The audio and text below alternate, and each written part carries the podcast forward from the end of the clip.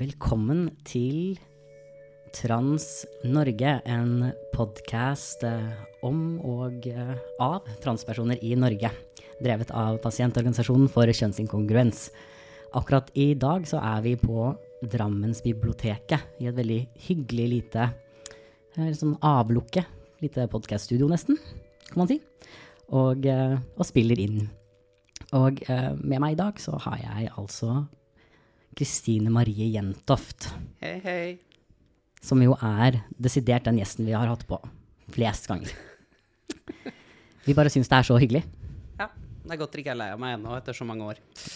Og for en gangs skyld så kan vi altså invitere Kristine til et litt sånn hyggelig, stort studio, istedenfor å bare sitte inne på et sånt trangt, lite gutterom. Ja, eh, det er eh, Fram til nå har det kun vært dere og mannegruppa Ottar som har invitert meg inn på et lite gutterom på podkast. Så der er jeg glad vi er i litt nye lokasjoner. Det, det føles bedre for min mentale helse. Vi eh, la ut en eh, liten post på liksom diverse sosiale medier hvor vi spurte folk om de hadde noen spørsmål til den såkalte transbevegelsen. Eh, og vi fikk ganske mange interessante spørsmål som vi tenkte at vi skulle prøve å svare på. Og så er det jo kanskje noen som da kan eh, sitte og lure på om det virkelig er sånn at to transpersoner som jo ingen har noen sentrale verv eller lederverv i noen skeive organisasjoner eller transorganisasjoner på nåværende tidspunkt, egentlig kan snakke på vegne av hele transbevegelsen. Vel, vi personlig tror ikke egentlig det. Men vi tenker også at siden vi har eh, gjentatte ganger fått ansvaret for å lede hele sulamitten, så tenkte jeg at vi også skulle gjøre et, eh, et lite forsøk da, på oss å snakke for hele Greia. Et forsøk, rett og slett. Ja. fordi hva, hva, det, det bør vi kanskje si sånn for nye lyttere og seere og gudene veit hva vi Mm. ikke har. Uh, for hva gjør du til vanlig når du ikke styrer transbevegelsen? Oi, det var et godt spørsmål. Ja. Det er nesten aldri noen som spør meg, faktisk.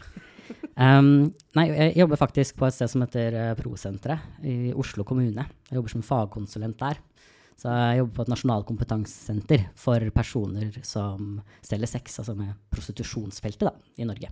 Ja, ikke sant? Mm. Men, da, men da vil jeg kanskje si at jeg har en stilling kanskje litt nærmere eh, toppen av denne mystifistiske transbevegelsen. Jeg er jo da rådgiver på kjønnsmangfold i Foreningen FRI. Da er jeg jo altså ansatt i Foreningen FRI, noe som betyr at jeg ikke har noen form for politiske verv eller politisk say-so i organisasjonen i det hele tatt. Min jobb er jo å gjennomføre det som er den politiske plattformen, den vedtatte politiske plattformen til FRI. Så basically jeg får min ordre fra høyere hold, rett og slett, for å lede transbevegelsen. Så du er på en måte transbevegelsens lakei, egentlig. Ja, det vet du. Ja, vi kan godt gå dit. Altså, jeg satt jo i dette sentralstyret til FRI før, så da har jeg jo gjort meg sjøl til lakei, da, kan du jo. Jeg tenker Det kommer jo litt an på hvem man spør, da, fordi jeg har i hvert fall gjentatte ganger fått beskjed om at halliklobbyen og translobbyen har 100% overlapp. Ja, det, det hevdes at det er en sirkel, ja. ja. Ja. Det, det Venn-diagrammet er en sirkel. Den sånn sett så kan det jo hende at jeg per definisjon eller ja, er lederen, da. Ja, og så vil jeg jo hevde at du har hatt litt sånn noe profilering, som vil kanskje si at du har vært litt viktig for transbevegelsen de siste Jeg har i hvert fall vært litt synlig. Litt grann på noen måter. Ja. Men skal vi prøve å gå gjennom noen av de spørsmålene vi har, uh, har fått? Mm. Det kan jo være lurt å liksom åpne med at vi sti- lot uh, alle stille spørsmål. Det involverer jo både folk som syns vi er ok, og folk som per def ikke liker oss. Eh, så da Jeg sier ikke content warning, men eh, obs på at spørsmålene kan være uheldig formulert, tror jeg er måten jeg vil si det på. Men ingen skal kunne anklage oss for å nekte å svare på spørsmål. ok? Korrekt. Riktig. Dette her er vår sånn episode som ingen kan anklage oss for å ikke svare på spørsmål. Med Nå har, vi, nå har de fått muligheten. med, med det sagt at ingen skal kunne anklage oss for ikke å svare på spørsmål. Både du og jeg har vært på nasjonal TV foran en halv million mennesker og svart på spørsmål. Så det føler jeg er litt vanskelig å hevde i utgangspunktet. Men vi har ikke svart på riktig spørsmål, vet du. Ah, det var sånn det var. Ja, Det er det vi skal prøve det å var gjøre godt nå. at alle kunne spørre, da. Ok. Ja Vi kan jo kanskje Altså, den første spørsmålet føler jeg nesten at vi har litt svart litt på, da. For det er et spørsmål. Det er noen som har stilt. Det står Hvem er egentlig transbevegelsen? Eh, hva er ting de fleste transfolk ser ut til å være enige om, og hva er det og hva er ting det er veldig delte meninger om? Ja, men den er gøy. Altså, hvem er egentlig transbevegelsen? Det er jo um, Det er jo greit. Den har jo, som du sier, svart litt på. Og så er jo svaret selvfølgelig Det er jo Det er meg, og det er deg, og det er den ved siden av deg, og den i nabohuset, og den i etasjen under deg, og vi er blant dere. Uh, samtidig som vi fins ikke. Uh, og, og, jeg har også sett andre som liksom hevder at vi er en sånn organisert bevegelse som får lønna vår fra liksom sånn en eller annen slem kabal, ofte ledet av Soros, liksom. Uh, og nå har jeg prøvd å fakturere han, og jeg har fortsatt liksom ikke fått utbetalt noe, så da, da, da vurderer jeg å sende en namsmann. Jeg også uh, venter veldig på den her store lønna jeg skal få, den der millionlønna. Ja, den, den lar vente på seg. Så, så jeg tror det mest korrekte svaret blir vel at transbevegelsen er en hyggelig gjeng eh, transfolk og allierte som ønsker å skape en bedre hverdag for transpersoner, og som både på organisert og ikke-organisert vis jobber på forskjellige måter for det. Ja. Jeg tenker også at Man kan tenke at liksom, den politiske transbevegelsen, da, hvis man snakker om det, kan jo være den mer eller mindre organiserte transbevegelsen. Altså de som jobber for transpersoners rettigheter, og som er drevet av og for transpersoner. Så i Norge så vil jo det være deler av de kanskje skeive organisasjonene. Det vil være organisasjoner sånn som også da PKI, pasientorganisasjonen. Internasjonalt så snakker man jo om sånn Transgender Europe og på en måte disse eh, organisasjonene som ser seg selv da, som Mm. Kanskje en del av transbevegelsen, hvis man si, sier, tenker at det eksisterer i det hele tatt. på en måte. Ja. Jeg vil jo til og med gå bredere enn det uh, i hva jeg ville i så fall sett på som transbevegelsen. Da ville jeg jo snakket om også andre organisasjoner som har engasjert seg for transpersoners rettigheter. og for eksempel, da, da, da, har jo Amnesty International Norge vært kjemperelevant for det arbeidet som ble gjort opp mot lov om endring av juridisk kjønn, f.eks. Plan International har gjort ting, Redd Barn har gjort ting. Så det blir, det blir en veldig stor transbevegelse. Det er litt koselig. Men det jeg tenker at ikke er transbevegelsen, er på en måte alle transfolk. For det er på en måte en sånn anklage som noen ganger kommer, og det er litt sånn Hva er alle transfolk enige om, eller hva mener alle transfolk? Og det tenker jeg sånn, det blir litt sånn Der tenker jeg det er ikke transbevegelsen. Transbevegelsen er ikke alle transfolk som har en politisk mening om noe, på en måte. Det er, vi må på en måte snakke mer om en bevegelse, sånn som når man tenker på homobevegelsen, er jo på en måte en, den homofile rettighetsbevegelsen, på en måte. Men hva er da Hvis man går utenfor transbevegelsen da, og snakker om liksom hva er ting de fleste transfolk ser ut til å være enige om? Jorden er rund. Ja. jeg skulle akkurat til å si sånn Jeg tror kanskje sånn, transfolk er jo enige, stort sett enige om sånne ting som liksom, de fleste andre også er enige om, egentlig. Um, jeg vil kanskje også påstå at de fleste transfolk når det gjelder liksom, kjønn, i hvert fall er enige om at liksom, det er greit å være liksom, bryte med kjønnsnormer, og mm. uh, at man bør ha muligheten til å hvert fall leve som et annet kjønn enn det man fikk tildelt ved fødselen, at dette er greit, at man bør respektere pronomen og navn og den ja. typen ting.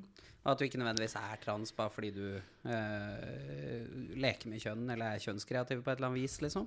Lekte med biler når du var liten, f.eks. Ja, du blir ikke trans av det. Nei.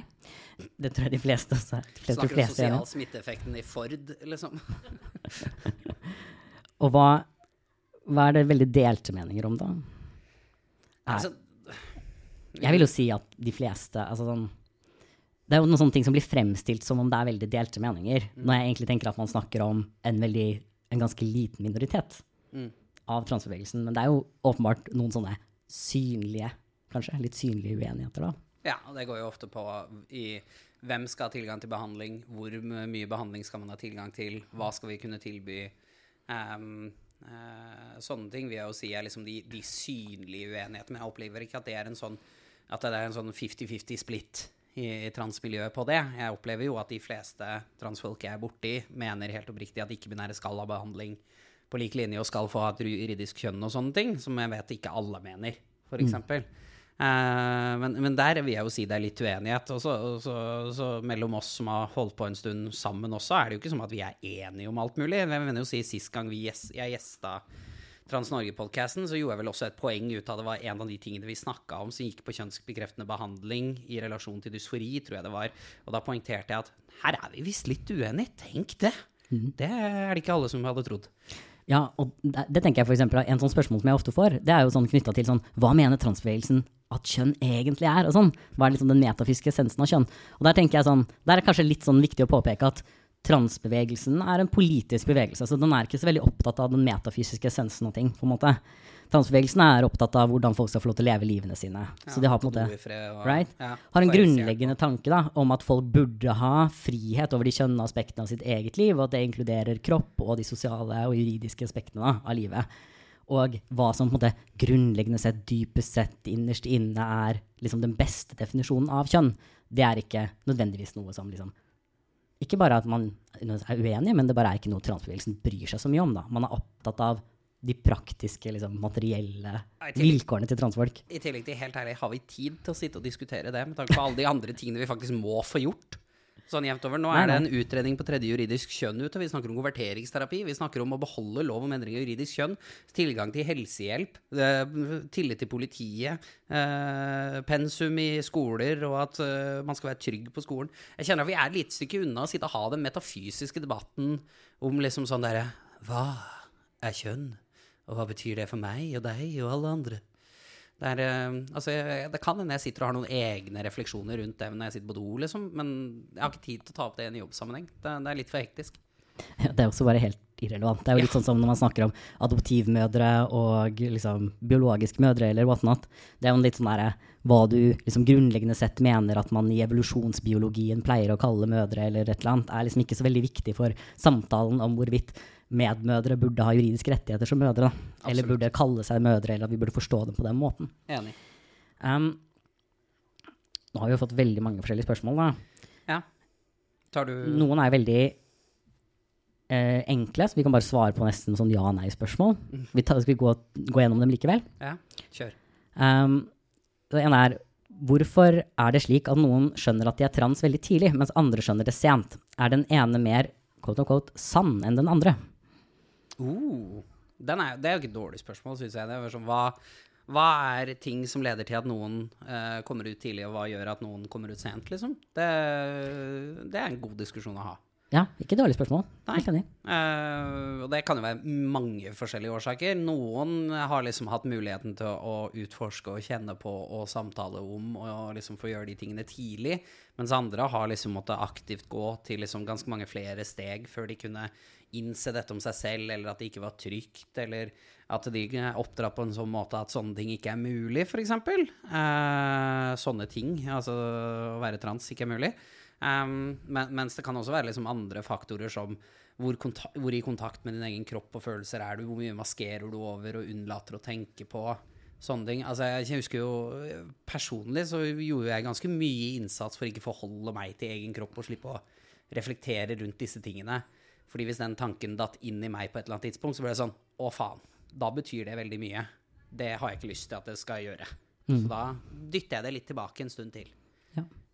Eh, jeg tenker også det. Jeg tenker også for så vidt at f.eks. grad av dysfori og sånn kan på påvirke Ja, hvor liksom, kjapt det skjer. Så tenker jeg spørsmålet på om man er liksom mer eller mindre sann, er uansett at det har ikke noe å si på hvor sann sant er det uansett. Sant er det uansett, liksom. Det, når du på en måte fant det ut. Jeg tenker også man kan eh, argumentere for at for noen så er det heller ikke nødvendigvis noe man bare følte på da når man var yngre. Altså sånn, noen forteller jo også at de opplever at kjønnet deres er mer eller mindre flytende, og at det har endra seg i løpet av livet. Sånn at det ikke nødvendigvis var en sånn ting som de kunne oppdage, fordi det var noe som kanskje helt reelt kom litt senere. Da. Ja. Um, og som igjen må understrekes, ikke betyr at det ikke er sant. um, og jeg tenker at det her forstår vi jo når det gjelder seksualitet, da, eksempel. En Ja. del folk forteller jo det at liksom, ok, men jeg vet ikke, jeg, er ikke sikker på om jeg i det hele tatt liksom var tiltrukket av kvinner, eller var tiltrukket av menn, eller ikke binær, eller whatnot, når jeg var yngre, liksom. Det var på en måte noe som jeg ikke bare sånn at jeg liksom bare undertrengte det, men jeg opplevde det første gang da jeg var 30, liksom. Ja. Um, Men altså, sånn som jeg visste jo dette egentlig Oi, nå slo jeg mikken din. Sorry. Uh, det var usamtykkende av meg. Um, nei, altså, jeg visste jo dette egentlig da jeg gikk i barnehagen. Så jeg tenker jo Men jeg kom jo ikke ut før jeg var 20. Uh, så jeg tenker jo sånn Enten du er 6 eller 60 Det er for 6, 6 eller 60. Du må gjerne være sexy eh, når du er 60. Eh, og så, så er det eh, fortsatt like sant, det er fortsatt like reelt, og det er ikke minst fortsatt like sant for deg. Ja. Vær så god, neste. Ja, perfekt. Um, hvis uh, biologisk kjønn ikke hadde fantes, ville transmenn ha fantes da? Det der er uh, etter et par andre spørsmål journalister liker å stille. Så når de syns de er veldig dype og smarte, så er det den de stiller. Det er sånn I en verden uten kjønn, ville transfolk eksistert da? Så er det bare sånn Ja, det tror jeg. Jeg ville fortsatt hatt dysfori til min egen kropp, liksom. Men det som er veldig interessant for meg her, er jo at det, blir jo sånn Hvis biologisk kjønn ikke hadde eksistert, altså hva mener du med det, da? Fordi altså, hvis det du prøver å si er sånn Hvis mennesker ikke var mennesker, men var på en måte en én Altså ikke drev med Single kjønnet sex rep... Ja, som var- reproduserte aseksuelt? ja, ikke drev med liksom kjønnet reproduksjon, så tenker jeg sånn Da snakker vi jo formodentlig om et samfunn og en art som er så forskjellig fra oss at det liksom føles litt rart å skulle diskutere om det fantes transmenn. Men svaret mitt vil faktisk være at hvis denne liksom one sexed species, liksom, hvis den allikevel da hadde klart å lage et kjønnssystem som besto av liksom menn og kvinner, og hvor du ble tildelt en av disse kategoriene allikevel ved fødselen, bare basert på et eller annet annet. Musikksmak. Ja, musik ja. Vanskelig å gjøre med fødselen, kanskje, men hvem vet? Det her er en Hva annen art. reagerte de på når de lå i magen? Ja. Du kan ha sånn headset på. Ja. Um, så, ville jo, så ville man jo i teorien kunne fremdeles hatt liksom transmenn, I guess.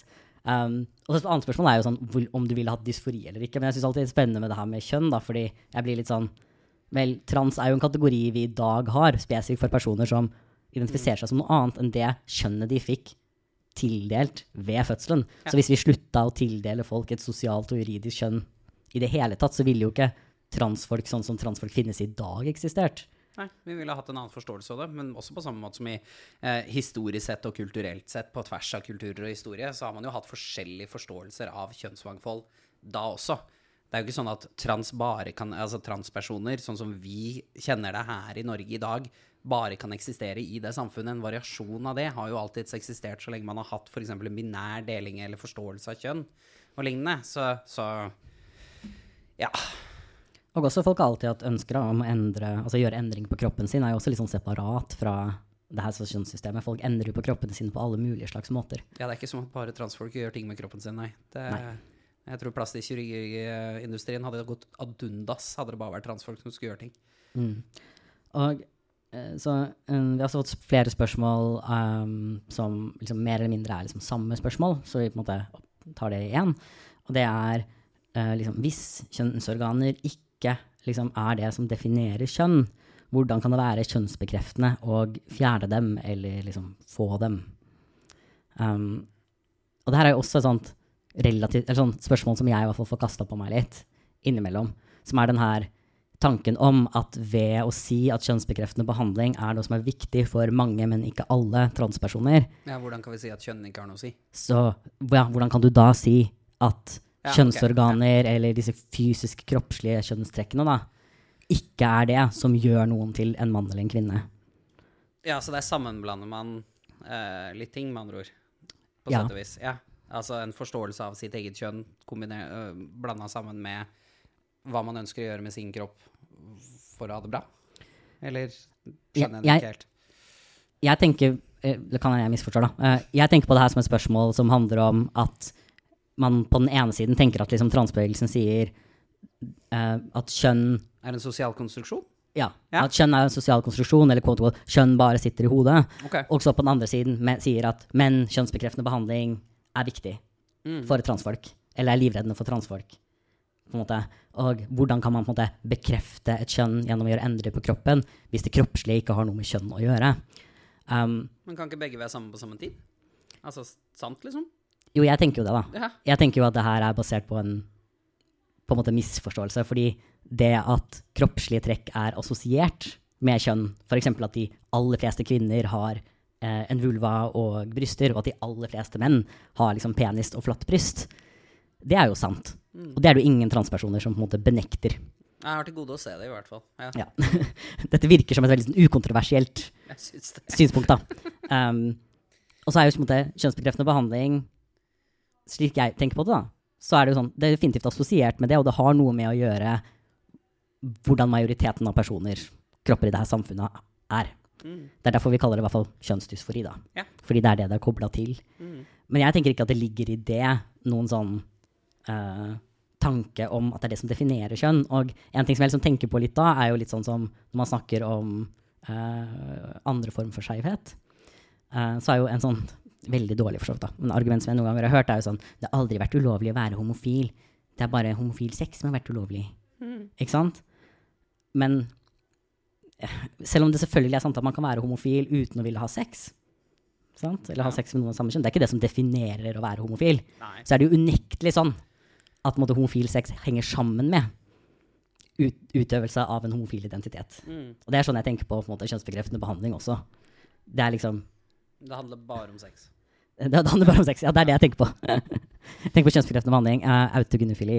Ja. Det er uh, Ja, men, det, men det, er jo, det, er jo, det er jo den som liksom eh, gjennomsyrer mye av den her. Jeg merker jo også mye det når vi blir intervjua. Sånn, det er jo veldig fokus på praksis i senga, eller hvorfor har du den typen underliv? Liksom, hvordan fungerer det seksuelt? Som er liksom litt absurde ting å bare spørre eh, en tilfeldig person på bussen om. Men det er nå så. Um, så. Så Men ja, nei. Det, Gudene veit hvor jeg vil med der. Uh, jeg jeg syns det er uh, Ja. Bare gå videre du, Alex. jeg mista meg sjøl i, i kjønnshysteriet. Det går veldig bra. Men vi har jo faktisk um, fått uh, et spørsmål om autogynefili, da. Ja, Så vi kan jo kanskje ta det var det den lange, nå. det? Ja, den er ganske lang. Ja. Så vi kan ta den, uh, kanskje. Ok, spiss ørene, da. Mm.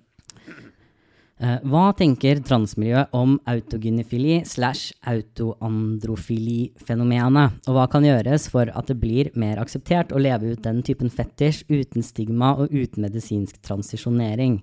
Grunnen til at jeg spør akkurat om dette, er fordi jeg har snakket med en del folk som er AGP, og som har begynt på østrogen bare for å miste sexlysten, og så detransisjonere medisinsk, siden de ikke lenger tenner på crossdressing eller selvfeminisering, bare for å retransisjonere når testosteronnivået kommer seg opp igjen.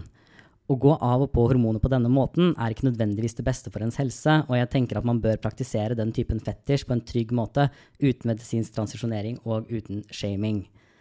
Problemet er at måten vi forholder oss til denne tematikken kan være litt toksisk. Noen transpersoner jeg har snakket med, fornekter at AGPS finnes, eller antar at man er automatisk antitrans når man nevner det, mens den andre siden, som regel faktisk er antitrans, shamer mange AGPs og kaller dem pervs, predators og mange andre ting. Turfs driver med det, blant annet.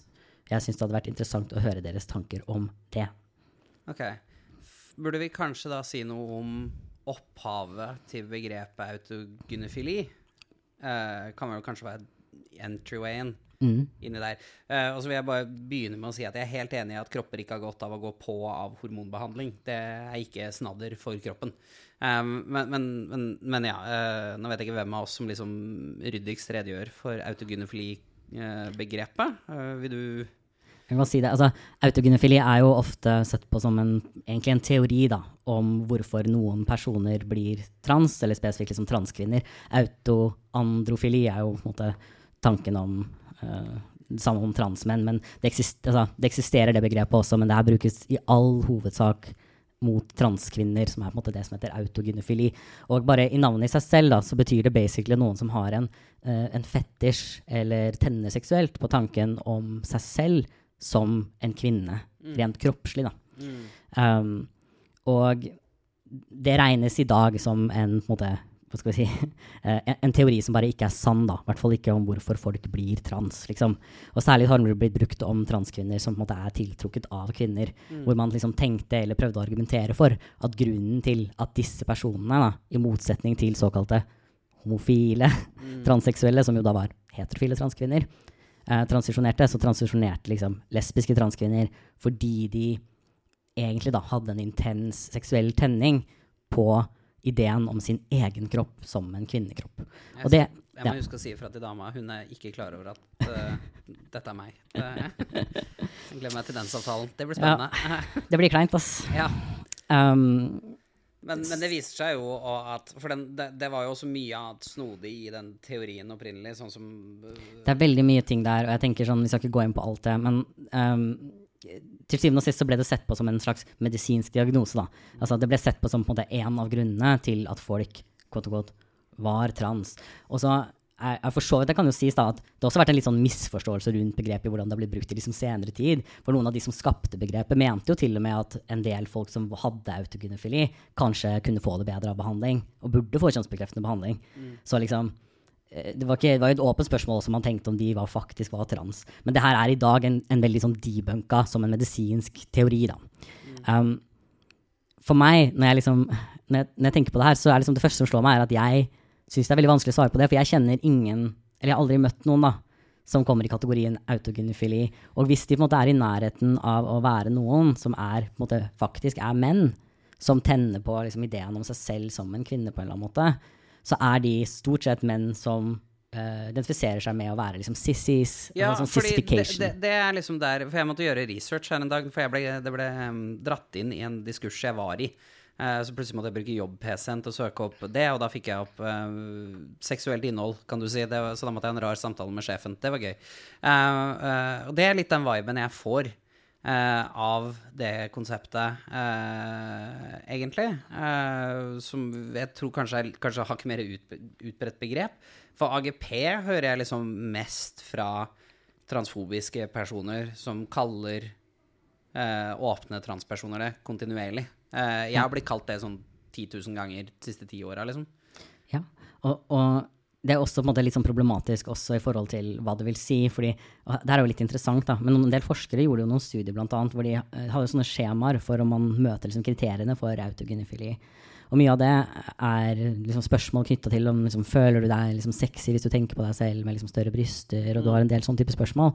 Men det viste seg jo at eh, ja, mange transkvinner svarer liksom ja på de her spørsmålene. Men det viser seg at liksom, når du stiller de her spørsmålene til cis-kvinner, så svarer de også veldig ofte ja på de her spørsmålene. Slik, ja. Mm. Så det viser seg at liksom, cis-kvinner også er ofte glad i seksuelt, når de har seksuelle fantasier, f.eks., så tenker de ofte på kroppen sin som mer kåt og godt kvinnelig måte, enn det den er. Sånn, de, seg, de liker å se for seg selv liksom, som at de er feminine og har liksom, store bryster og liksom eh, Ja, den der liksom, pornofantasien, da. Og også at mange for tenner på å ta på seg uh, seksuelt uh, veldig sexy undertøy, da. Også kan være noe som man måtte tenne på Ja. som cis-kvinne. Um, så det er også en liksom, del her selvfølgelig som handler om en form for uh, altså sykeliggjøring av en form for behavior i transkvinner som man ikke sykeliggjør da, i cis-kvinner. Ja. Men jeg vet ikke helt hvordan man skal svare på det spørsmålet. fordi for meg, jeg har aldri møtt noen som har gått av og på eh, hormoner. eller som Frivillig. Nei. Eller som jo, det har jeg møtt folk som har gått av og på hormoner av ulike grunner, men ikke fordi de har, altså, hadde en fetisj eh, for nei, det. Nei, det kanskje det, mer det jeg sikta til, liksom grunnen for å gå av og på. Fordi jeg har vært borti ganske mange som liksom var sånn OK, nå er jeg fornøyd, takk. Mm. Og så begynner de på igjen etter noen år, fordi nå er jeg ikke fornøyd. Så nå vil jeg begynne på igjen. Eh, eller andre grunner, sånn som f.eks. flyktninger eller asylsøkere som har blitt eh, aktivt måttet stoppe fordi de har flykta, liksom. Eh, og så har kunnet starte opp igjen når de har fått behandling et annet sted. Um, eh, eller folk som ikke hadde råd til medisiner eller de tingene. Det er mest min erfaring med folk som har starta og stoppa behandling. Start, stopp, start, stopp, start, stopp, liksom. Eh, Ikke det seksuelle aspektet i så måte. Um, Ikke meg heller. Altså vet jeg at uh, det finnes noen som har sånn type kastreringsfetisj, men de er uh, ikke liksom De identifiserer seg jo ikke som kvinner. Dette er jo menn som har en fetisj for Ja. å være menn som blir kastrert. Ja. Uh, og så blir spørsmålet hva mener transmiljøet om det? Jeg tror ikke transmiljøet mener så veldig mye, egentlig, om folk som tenner på å gjøre liksom, kroppslige endringer. Det virker i hvert fall for meg som noe som virker ganske sånn det, det er ikke åpenbart å, eh, forståelig for meg hvorfor det her er noe som transmiljøet skal måtte bry seg om. Og så tror jeg også autogynefili-begrepet burde forkastes. Jeg tenker at Da kan vi heller snakke om liksom, sissification, bimboification. Vi kan godt snakke om de her fetisjene. Hvis det viser seg at det faktisk er sånn, at det er masse folk som lider fordi de jeg vet ikke, jeg tar og kjøper østrogen ulovlig og går av og på det, så kan vi sikkert kanskje ha en samtale om det. Men for meg så blir det helt sånn umulig, fordi jeg bare har aldri faktisk møtt eller snakka med noen hvor det liksom har vært tilfellet. Og jeg er ikke så veldig bekymra for at det faktisk er noe som Nei, som også, skjer mye. Også, også, sånn som med det sissification-begrepet og sånne ting. Først og fremst så tror jeg mye av det, basert på det jeg så da, kom jo ut ifra liksom sånn eh, Egentlig en fetisj mer for ydmykelse og, og, og liksom det ydmykende i å feminiseres og de tingene der. Um, det er mulig jeg tar feil, og det er helt i orden. Men, men jeg tenker også Jeg har ikke sett noe organisert bevegelse for det her. Og sånn som, det, det er jo en grunn til hvorfor uh, skeive har fått rettigheter og, og, sånne ting. Og det er jo pga. at man har organisert seg og jobba for et mål. Sånn at hvis det dukker opp en organisasjon for dette, som består av mennesker som har organisert seg rundt uh, felles uh, interesser innafor norsk lovverk, så Eller ikke nødvendigvis innafor, men at man ønsker å endre det, men forholder seg til norsk lovverk, f.eks. Mm. Så, så, så, så da, da, kan vi ta stilling til det da, hvis det blir relevant. Men jeg sliter litt med å se hvorfor vi Altså, det er mye jeg ikke tar stilling til. Jeg er ikke sånn stødig på rakettforskning heller, eller eller andre Jeg må også innrømme at jeg, bare, jeg, jeg, sliter også med å tro på at dette altså, Det kan godt hende det er noen som selvforklarer seg sånn, da, men da blir jeg litt sånn redd for at det bare handler om internalisert transfobi også. At de har blitt fortalt så mye at det er det som er tilfellet. Ja, for fordi, fordi, det er veldig, veldig rart for meg, i hvert fall for meg, så er det veldig rart å tenke at det er noen som liksom har en fetisj da, som gjør at de liksom tar masse medisiner som har masse bivirkninger. da. De fleste fetisjer er jo ikke av en sånn grad at du på en måte går rundt og har lyst til å leve på en måte fulltid som noe heller. Det er jo ofte noe du lever ut spesifikt i en, en viss setting. Mm. Så jeg, jeg, vet ikke om jeg liksom kjøper det helt, og jeg er, jeg er skeptisk til å bruke autogynofili-begrepet i det hele ja, tatt. Jevnt over, men du har jo også litt mer det andre begrepet som eksisterte, som var liksom cross-dreaming, som var fordi at du er såpass undertrykt og ikke kan realisere deg selv, så realiserer du deg selv seksuelt i dine seks, seksuelle fantasier. Uh, og det, det, har vi jo også sett en del i liksom, transkvinner før de har kommet ut, at de, de, ser etter noen til basically tvinge de ut fordi de er så redd for å komme ut. Eh, og det kan ofte få et seksuelt uttrykk uten at det nødvendigvis egentlig er det det dreier seg om. Eh, så, så, det kan jo være litt det, at det er en sånn, sånn som du sier, selvforklaringsmodell som, som kan forklares på mange måter, da. Mm. Ja. Um, Neste? Ja. ja. Hvorfor er transmenn alltid kjekkere enn meg? Det spør jeg meg sjøl om titt og ofte. Nei, det er ikke jeg som har stilt det spørsmålet, og ikke tenner jeg på menn, så det her må noen andre med Nei, altså, vi kan ikke noe for det. da. Transmenn bare er veldig kjekke, liksom. Ja. Dessverre. Nei, dessverre. Altså, fint for meg, jeg guess. Liker at du sier unnskyld for at du eksisterer. Unnskyld. Det er fint. Men veldig hyggelig spørsmål. Eh, et annet spørsmål i liksom samme grad var Jeg har et umulig spørsmål som dere aldri vil kunne svare på. Hvis en mann med penis identifiserer seg som å ha livmor, hvordan påvirker det aksjene mine? Mm. Mistenker at det ikke var et dønn seriøst spørsmål. du tror det? Ja. Det, det, det, det, tror jeg avhenger helt av hvilken posisjon i samfunnet den eh, personen som identifiserer seg med livmor, har. For hvis de plutselig er i sånn uh, Kongsberg-gruppen eller Pricewaterhouse Coopers eller et eller annet med aksjer, da kan det stå dårlig til. Det er sant. og da spørs det om du har aksjer der. Uh, rett og slett. Uh, men ellers så tror jeg det vil gå jevnt over ganske fint med aksjekursen. Det er sant. Den påvirkes av ganske meget annet òg. Hvor mange kjønn finnes?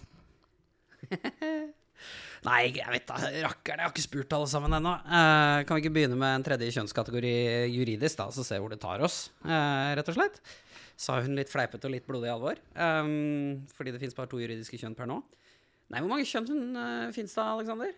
Har du telt? Nylig? Nei. Nei, det var ikke det du heller? Det er ganske sånn, mange å spørre. Ja. Det, det, blir vanskelig å finne ut av, tror jeg. Og da, um, da må vi ha en parameter, da. Uh, vil vi ha f.eks. sekkebetegnelser, sånn som litt det vi opererer med i storsamfunnet nå, sånn som sekkebetegnelsen mann, kvinne, ikke-binær? Eller vil vi gå liksom i, uh, i, så tight og tett og kjønnsforståelse, personlig kjønnsforståelse som mulig? For i så fall så skal jeg være så freidig å si at absolutt hver enda person på, på jorda har sitt eget kjønn. Uh, og da begynner vi å snakke ganske mange kjønn. Og jeg, jeg tror vi kan godt stå over og juridisk anerkjenne alle sammen, faktisk. Er, pappa trenger ikke en egen kjønnskategori. Uh, og han har sitt eget kjønn. Trust me on that. han gjør kjønn på pappamåten. jeg er enig, jeg har heller ikke noe svar på det. Jeg lurer alltid også på liksom, hva Um, eller jeg vet jo egentlig, jeg føler jo at når folk spør liksom, hvor mange kjønn er det, så føler jeg at det de egentlig spør om, er jo egentlig bare at de ønsker at transaktivister skal på en måte gi et eller annet tall, sånn at de på en måte senere kan si sånn ah, Se her, uh, transaktivister mener det er x antall kjønn. Og det er jo det de på en måte prøver å vise til når det gjelder Facebook og sånn også. Så er de sånn På Facebook så er det nå 73 kjønn, bare se hvor psycho ting har blitt, liksom. Men det, det, er ingen som klarer å liksom Altså, sorry, vi kan ikke svare på det spørsmålet. Alle som har lest Haikerens guide til galaksen, vet at svaret uansett er 42. vi setter strek på 42. svaret på alt er 42. Med mindre du er pappa, det er svaret på alt sportsteip. Det fikser alt. Det er sånn Nesblod, sportsteip, skrubbsår, sportsteip, trans, sportsteip. Jeg skulle til å si, Det er mange transfolk som har fiksa ting med sportsteip. Ja da, det, det, var, det var ikke det, han, han hadde mer rett enn han visste, for å si det sånn. Det der tror jeg faktisk altså Både transmaskuline og transfeminine folk kan bruke sportsteip. Det er Ja. eh, Eh, kanskje ikke burde noen av oss, men uh, Nei, det er jevnt over ikke anbefalt. Det er ikke noe kjempesunt. Uh, men, men har blitt godt i nyttetat. Pappa hadde rett, tenk det. Neste. um, Why are you gay? Born this way? Veldig bra. Men det, det, det, det må jo være fra, fra den, um, det, TV-showet med Pepe Julian Onzima. Det er jo første åpne transmannen fra Uganda. Eh, som ble, til tross for at han åpent sa han var mann, og opplevde seg sjøl som mann, så ble han ansett som lesbe av, av studio. Det var en helt horribel affære å se på. Eh, men Pepe Julian var eh, sabla stødig i den. Så 'Who says I'm gay?' og svaret var sånn Men altså, jeg ble ofte spurt om det, føler jeg. Ja, men hvorfor er du homo da, Alex? For, fordi jeg er en mann, da, som liker andre menn. Revolusjonerende. Ok, da har vi løst det. Greit, neste. Kan man være cis og androgyn? Ja. Neste. Kan tenke meg at du dykker litt ned i myten nå når alle som faller litt utenfor kjønnsrollene til gutter og jenter, plutselig skal være ikke-binære, blir disse kjønnsrollene bare enda trangere. Så transpersoner bidrar egentlig bare til å sementere rollene mer. Men her blander man ting igjen. Nå blander du kjønnsidentitet og kjønnsrolle. Og kjø øh. Altså, det er ikke som at alle som bare har litt normbrytende kjønnsuttrykk, er ikke-binære, liksom. Jeg, jeg skjønner heller ikke hvordan det kan Jeg skjønner genuint ikke liksom hvordan det argumentet funker med ikke-binære uansett. For jeg bare skjønner ikke hvordan Altså Selv om du eventuelt argumenterte for, og det mener jeg ikke nødvendigvis at er sant, da, men selv om du argumenterte for at ikke-binære lagde en helt ny kjønnsrolle, så blir det sånn Hvordan kan, hvordan kan det å liksom eventuelt leve i en kjønnsrolle som ikke er mann og kvinne, sementere mann og kvinne som kjønnsroller? Kanskje fordi at det fjerner Altså, jeg tror det de tenker helt oppriktig, er jo at fordi uh, dette er mennesker de opplever at bryter med normene for kjønn, så forlater de de to kjønnskategoriene, mann og kvinne. Og da blir det bare igjen sånne normative, tradisjonelle 1950-talls amerikansk type uh, kjønnsrollefolk igjen. Ja. Eh, noe som betyr at jeg har på meg feil antrekk i dag. Her jeg sitter i flanell og bukse. Eh, det, så det skal jeg gå hjem og ordne opp i en gang. Men det her minner meg litt på det der med kjønnsroller og sånn. Fordi, fordi jeg har alltid, alltid lurt litt på liksom, hvor, vi, hvor, hvor vil liksom majoritetsbefolkninga plassere ikke-binære, når, når de liksom innser at ikke-binære faktisk fins, som mange av de begynner å gjøre nå. Endelig. Tok noen år. Eh, eh, og der, der, der, der var jeg borti en hendelse nå for litt siden som jeg, jeg må bare få, få, få lov til å fortelle, for den er helt ustyrtelig morsom. Jeg, jeg drev og tok bussen inn til Oslo for ikke så lenge siden. Sammen med familien min. Vi, vi skulle på mm, Transpride, tror jeg det var. Ja. Og så med familien min, og jeg skulle holde appell og greier. Um, og så bak meg inn på bussen så, så har det satt seg to antatt 15-16-åringer av typen gutta med TM etterpå, tra trademark. Og de setter seg bak deg, og de sitter liksom og prater om sånn gutta 15-16 år type ting. Sånn derre Nei, hun er fin, og læreren er dritt, og sånne ting. Og så, og så, og så driver de og kjekker seg, liksom bare sånn der Han ene sier til den andre sånn Nei, jeg falt og slo meg, ikke sant. Eh, men jeg hylte ikke, altså. Og, og så svarer han da med Nei, faen, ikke sant. Hvem er det som hyler når de slår seg, liksom? Og så svarer han først igjen med Nei, pff, det er vel kvinner og ikke-binære, det, da. Det er ikke litt kødd engang. Og jeg sitter der og bare sånn Ok, hvis dette er mannssjåvinisme i 2023, så, så det kan jeg jobbe med. Det går greit. Det, vi kan ta den. Så da vet du det. Kjønnsrollemessig så har ikke-binære da falt inn i kategorien hyler når de slår seg. Så viktig at alle ikke-binære som hører på, forholder seg til det, tenker jeg da. Hilsen gutt og gutt 16 og 15-16 på bussen eh, på veien til Oslo. Vi, vi elsker litt sånn transinkluderende sexisme, på en måte. Ja, sånn. Men det, men det der er jo en sånn klassisk transkvinnegreie også. Det er jo sånn der, Første gang du blir catcalled, så er det sånn derre Dette er feil. Men jeg ble i hvert fall anerkjent som kvinne, da. Ja. Så det var jo ja, ja. Det var ikke en fullstendig Ja, loss det, i dag. det er også litt mange transmenn uh, i verden som på en måte har vært sånn ja, men også om du skal være mann, da får du bære tingene for meg, da. Den der type greier Ja. fra foreldre og sånn, liksom. Ja. Som i utgangspunktet er sånn feminister, på en måte. Men som er sånn Du skal være en mann, så Ja. da får du bære de tunge tingene, eller et eller annet sånt noe. Det er veldig fort sånn eh, Ja. Jeg tror ikke det er transfolk som sementerer de kjønnsrollene. Nei, jeg mest, mistenker ass. at det kommer utenifra, altså. Jeg tror også det. Altså. Det er, eh, det er veldig rart. Men ja, sånn helt seriøst. eh, Jeg skjønner ikke helt hvor den myten kommer fra. Jeg tenker at noen ganger når folk spør meg sånn, hvordan kan jeg svare på de her tingene, så tenker jeg at noen ganger så er på en måte offense the best defense. da. Ja. Jeg tenker at her handler det faktisk om å si at hvis du skal påstå at liksom, det her sementerer måte kjønnsroller, så er det noen ting du først må bevise. da. For det første må du bevise at liksom, alle som for eksempel, altså alle som er trans, eh, ville vært ekstremt liksom, gender non-conforming Mm. i den kjønnsrollen Mens Eh, ingen binære ville vært det. og at de fleste binære ikke ville vært det. Men jeg tenker også det ikke bare, bare ikke er sant. Altså det, for eksempel tanken om at liksom alle som er At hvis du er ikke-binær og blir tildelt en mannlig kjønn ved fødselen, at du nødvendigvis liker stereotypisk eh, feminine ting, og derfor, hvis du hadde levd som en mann, ville vært ekstremt gender non-conforming og alltid gått med kjole og bla, bla, bla. Liksom, det er bare empirisk ikke sant, da, fordi det er ikke det det betyr å være ikke-binær. Å være ikke-binær betyr ikke liksom, at hvis du ble født med pikk, så liker du kjoler og rosa. Liksom. Det er ikke det det betyr. Det er masse ikke-binære folk som ble født med pikk, og som har eh, liksom, primært maskuline interesser, og som på en måte bare ikke faller i den kategorien. Da. Og det er på en måte også Det, det er bare et empirisk spørsmål som jeg tenker at bevisbyrden ligger på dem, da, til å bevise at, liksom, at det her faktisk er, liksom, er et problem, eller at det skjer, eller at det er sånn at alle liksom, transfolk ville vært.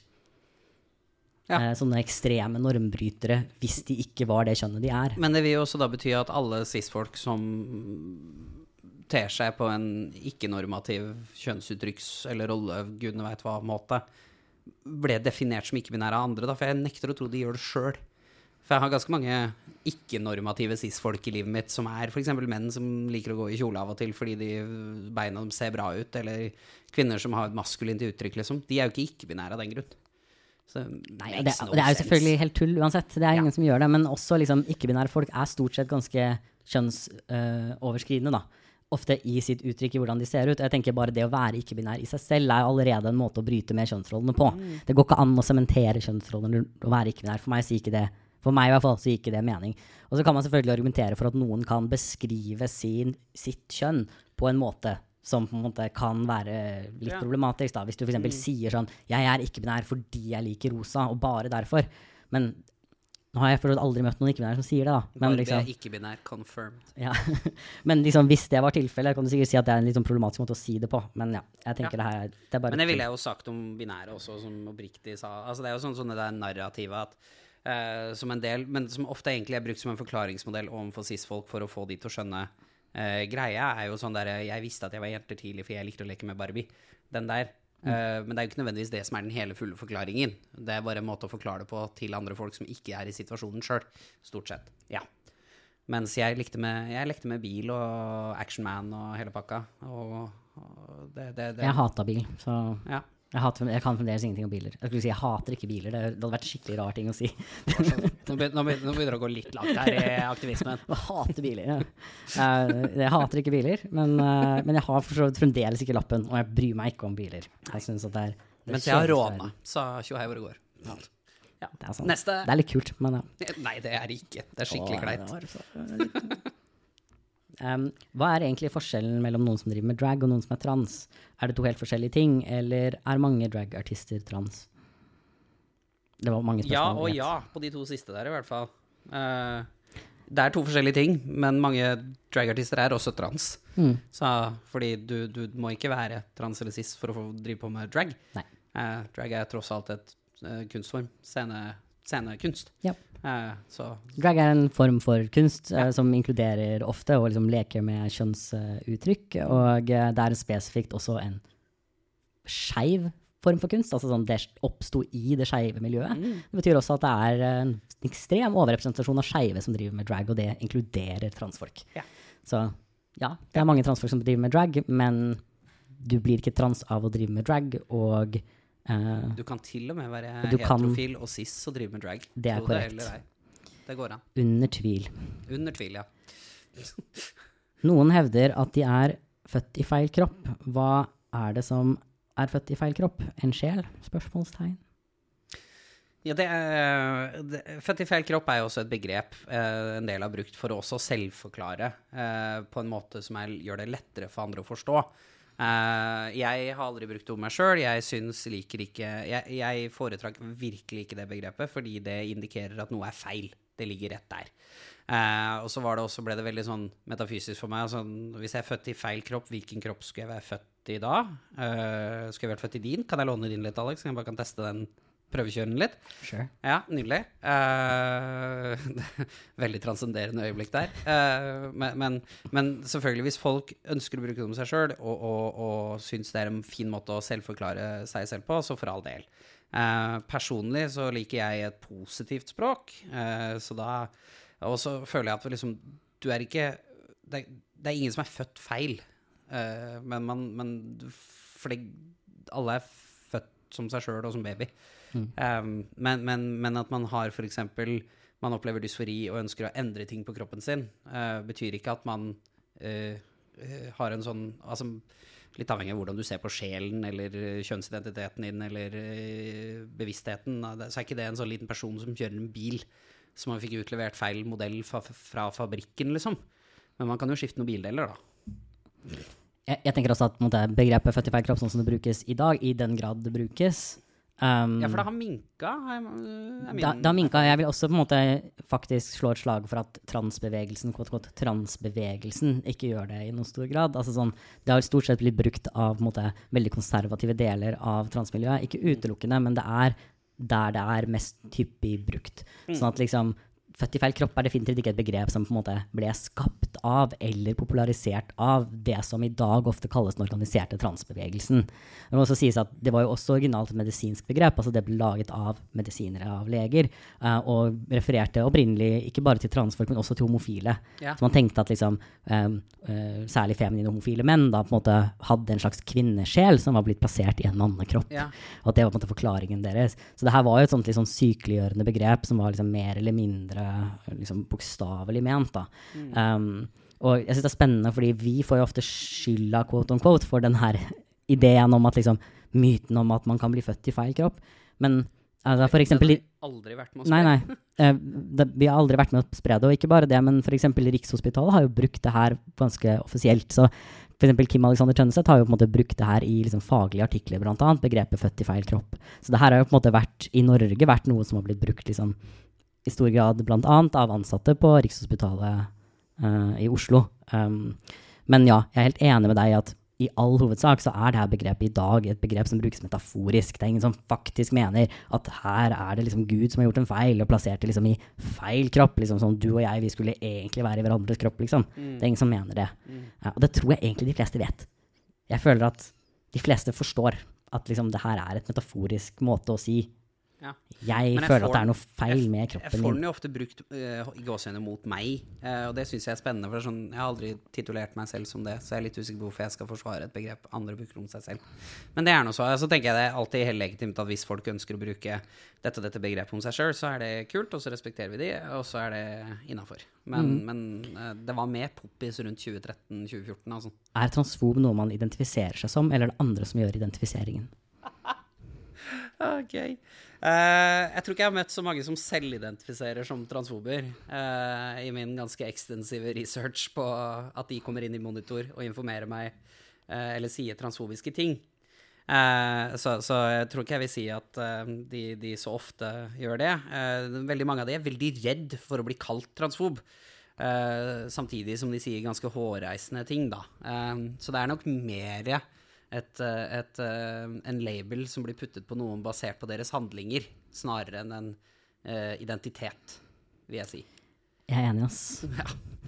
Nydelig. Jeg er rett og slett helt enig i det. Og jeg tenker, bare avslutningsvis, det er også en myte, sånn der tanken om at, at det er sånn at fordi transbevegelsen tenker at akkurat når det kommer til kjønn, så er det sånn at der bør vi ta folks ord, da. Eller når det kommer til seksualitet, så bør vi ta folks ord for det, når de s- tror på det de sier, og legge det til grunn.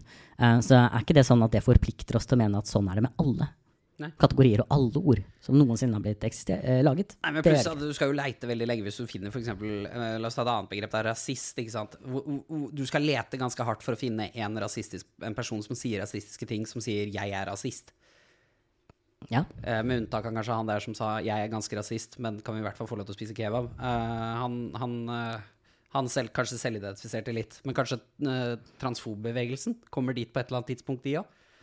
Ja, vi får se. Ja, Hvem vet. Vi kommer vel kanskje til å prøve å reclaime det, eller et eller annet sånt noe.